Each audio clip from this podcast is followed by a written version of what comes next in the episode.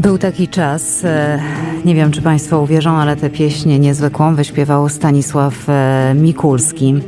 A pojawiła się u nas nie bez kozery. Wybrała ją e, przed swoją relacją Wiola Florczak. Wiolu, witam Cię, dzień dobry. Powiem Ci, że... Dzień dobry, witam Molu i witam naszych słuchaczy. Że zadziwiła mnie ta pieśń i wzruszyła. No, ale ona mm, niesie z sobą bardzo ważną treść. Treść, która też pojawi się w Twojej relacji już za moment, prawda?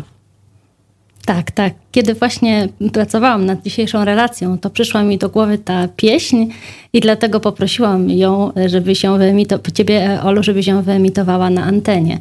No bo być może dzisiaj właśnie e, e, waży się taka historyczna decyzja, zapadnie taka historyczna decyzja.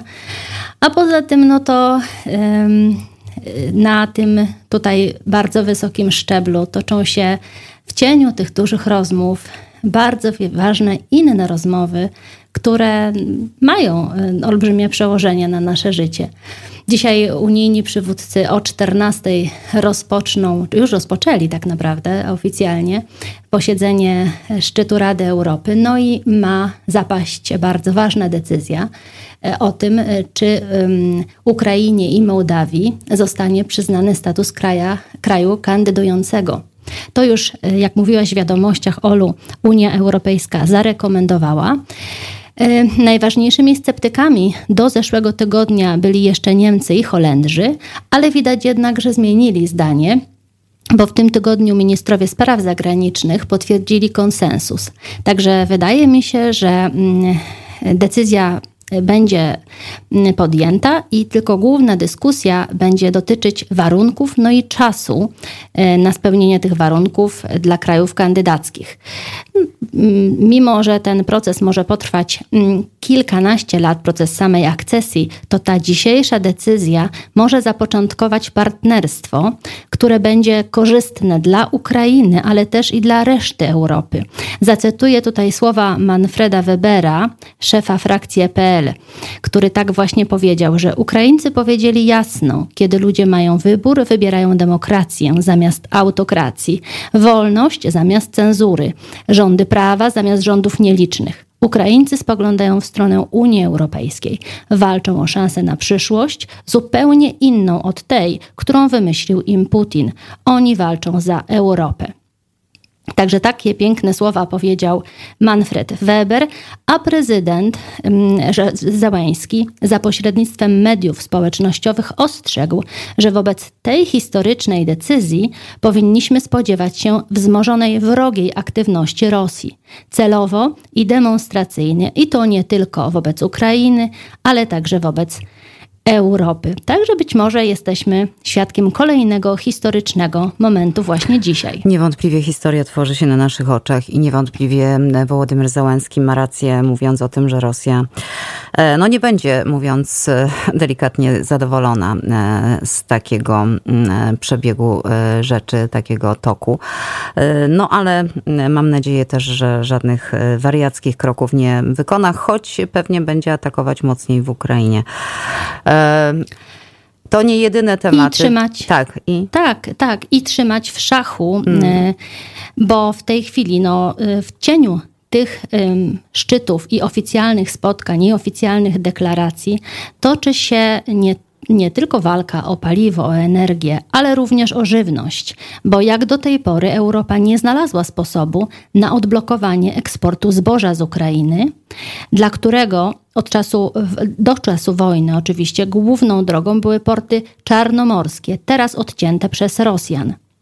Mniej więcej za miesiąc Ukraińcy, których gospodarstwa nie zostały zniszczone przez napaść, rozpoczną żniwa.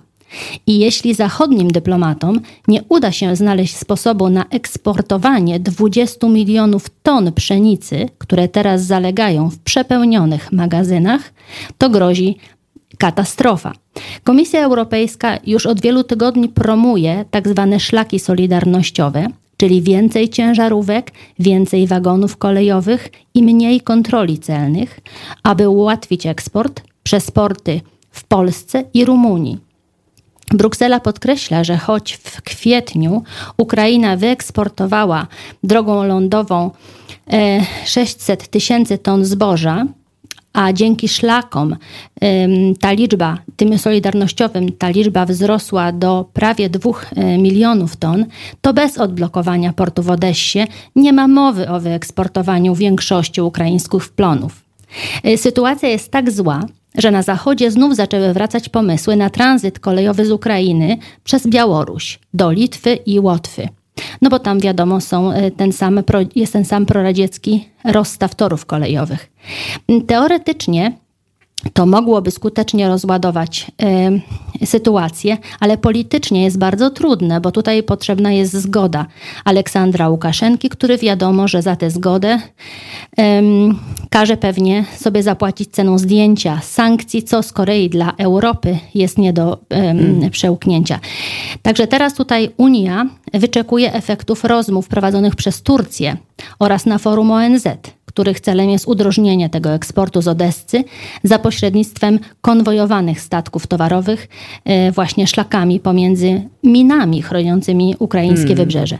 No zobaczymy, jakie będzie tutaj rozwiązanie, ale e, na pewno e, jest to dyplomatycznie, politycznie wielki problem, bo na tym zebraniu ministrów spraw zagranicznych Józef Borrell nawoływał do tego, żeby silną akcję też prowadzić w, wobec krajów afrykańskich, które które są, które oczekują właśnie na to mhm, zboże. Mm -hmm. Ja tylko dodam jeszcze szybciutko, że jest też taki pomysł prezydenta Bidena. No oczywiście on, on wymaga pewnie dużo więcej czasu, choć przy dzisiejszych technologiach, czy ja wiem.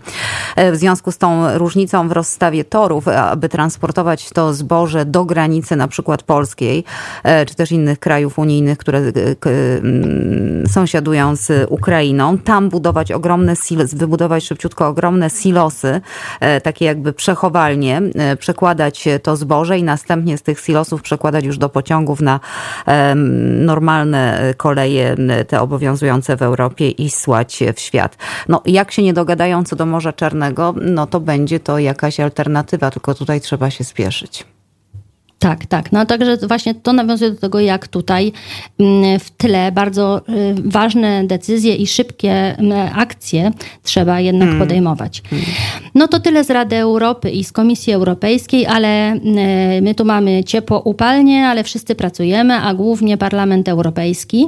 I kolejną mamy ważną decyzję dotyczącą ratowania naszej planety, bo Parlament Europejski poparł reformę systemu handlu emisjami, ten ETS, a nawet przyspieszył jej wdrażanie.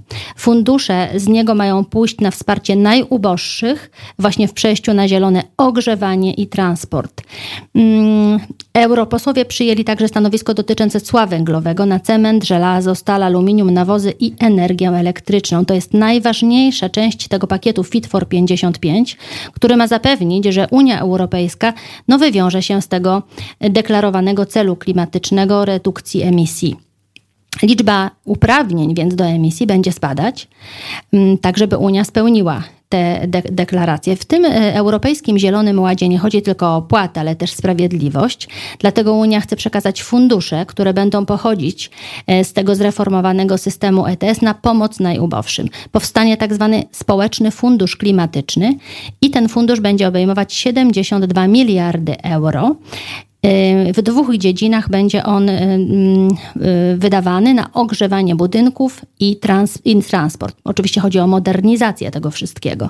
Według szacunków Polska może liczyć na prawie 13 miliardów euro z tego funduszu. Także y, kolejna bardzo ważna dzisiaj decyzja zapadła, a już wcześniej mówiłam, prawda, że do 2030 roku ma być zakaz sprzedawania samochodów z tak. silnikami spalinowymi. Mm -hmm. To nie jedyne jedyna decyzja dziś chyba w Parlamencie Europejskim. Widzę, że tu jeszcze coś miałaś przygotowanego, prawda? E, tak, tak. No to taka już bardziej dla nas, Polaków, chyba dotycząca nas, bo Parlament Europejski wycofał skargę na Komisję Europejską mhm. z Trybunału.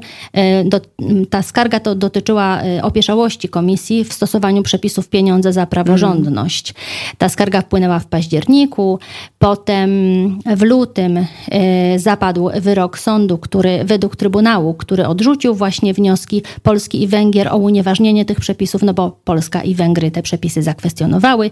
Trybunał to odrzucił, a Komisja Europejska w kwietniu tego roku zainicjowała procedurę y, wobec Węgier. Sprawa Polski na razie, na razie leży w szufladzie i Komisja Europejska zajmuje się sprawą Węgier i y, rząd Orbana ma czas do przyszłego tygodnia na zaproponowanie działań naprawczych. Także skarga została oficjalnie wycofana. Pierwsza procedura wszczęta wobec Węgier. Na razie wydaje się, że Polsce nic nie grozi, no bo w cenie komisji e, fundusze, gospodarowanie funduszami w Polsce na razie przebiega poprawnie.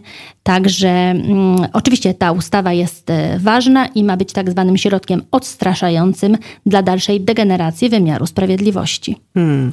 No, z tym Polska ma problem i to w sumie nie wiadomo, jak to się, jak to się wszystko zakończy, bo wiemy, śledziliśmy to, jak e, tę ustawę nową prezydencką, która mm, miała przejść z poprawkami senackimi i potem je odrzucono.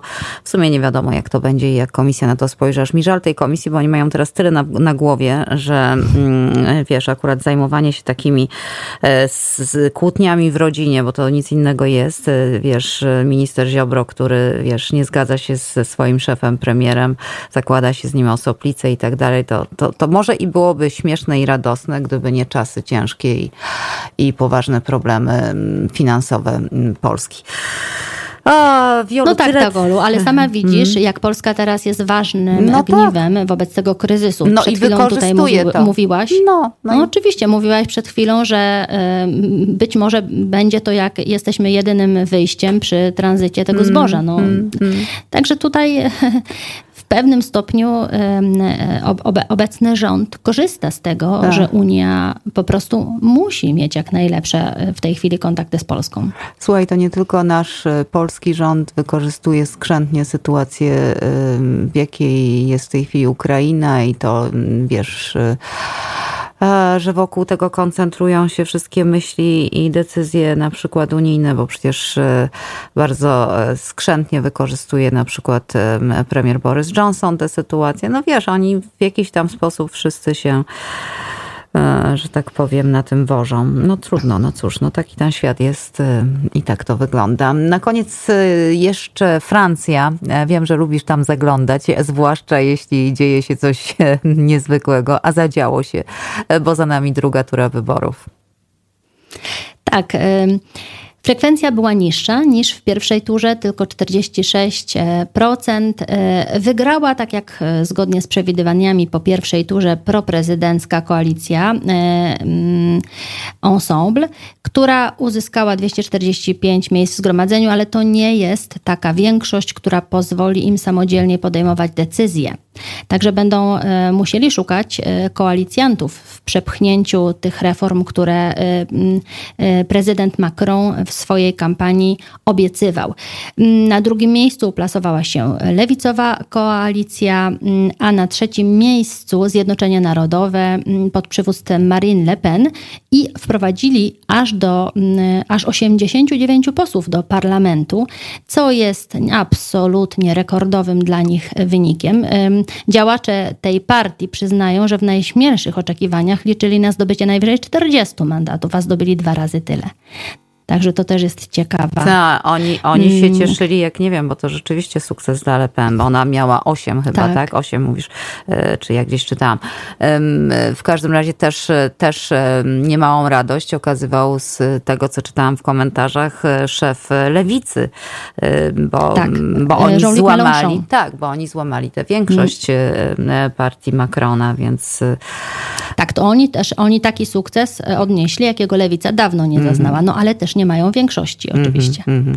No trudne są później Także takie rządy chwili... koalicyjne, co widzimy na przykład w Polsce, prawda? Także, tak, tak, mm, tak, no właśnie, właśnie.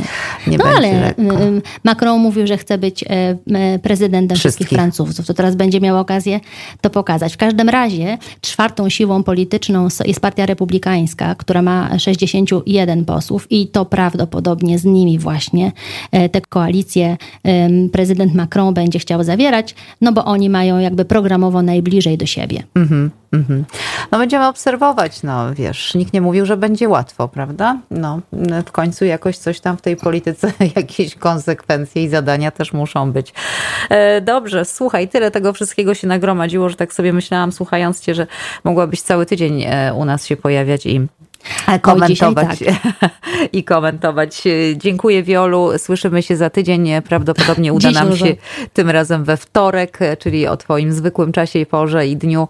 Um, no i to będzie nasze tak. ostatnie spotkanie przed wakacjami. Także potem um, przynajmniej od tej pracy odpoczniesz, tę drugą no, będziesz musiała dalej e, wykonywać. Dziękuję, pozdrawiam ciebie, wszystkich słuchaczy w Brukseli, okolicy Belgii, Francji. E, do usłyszenia. Dobrego dnia. Do usłyszenia, dziękuję.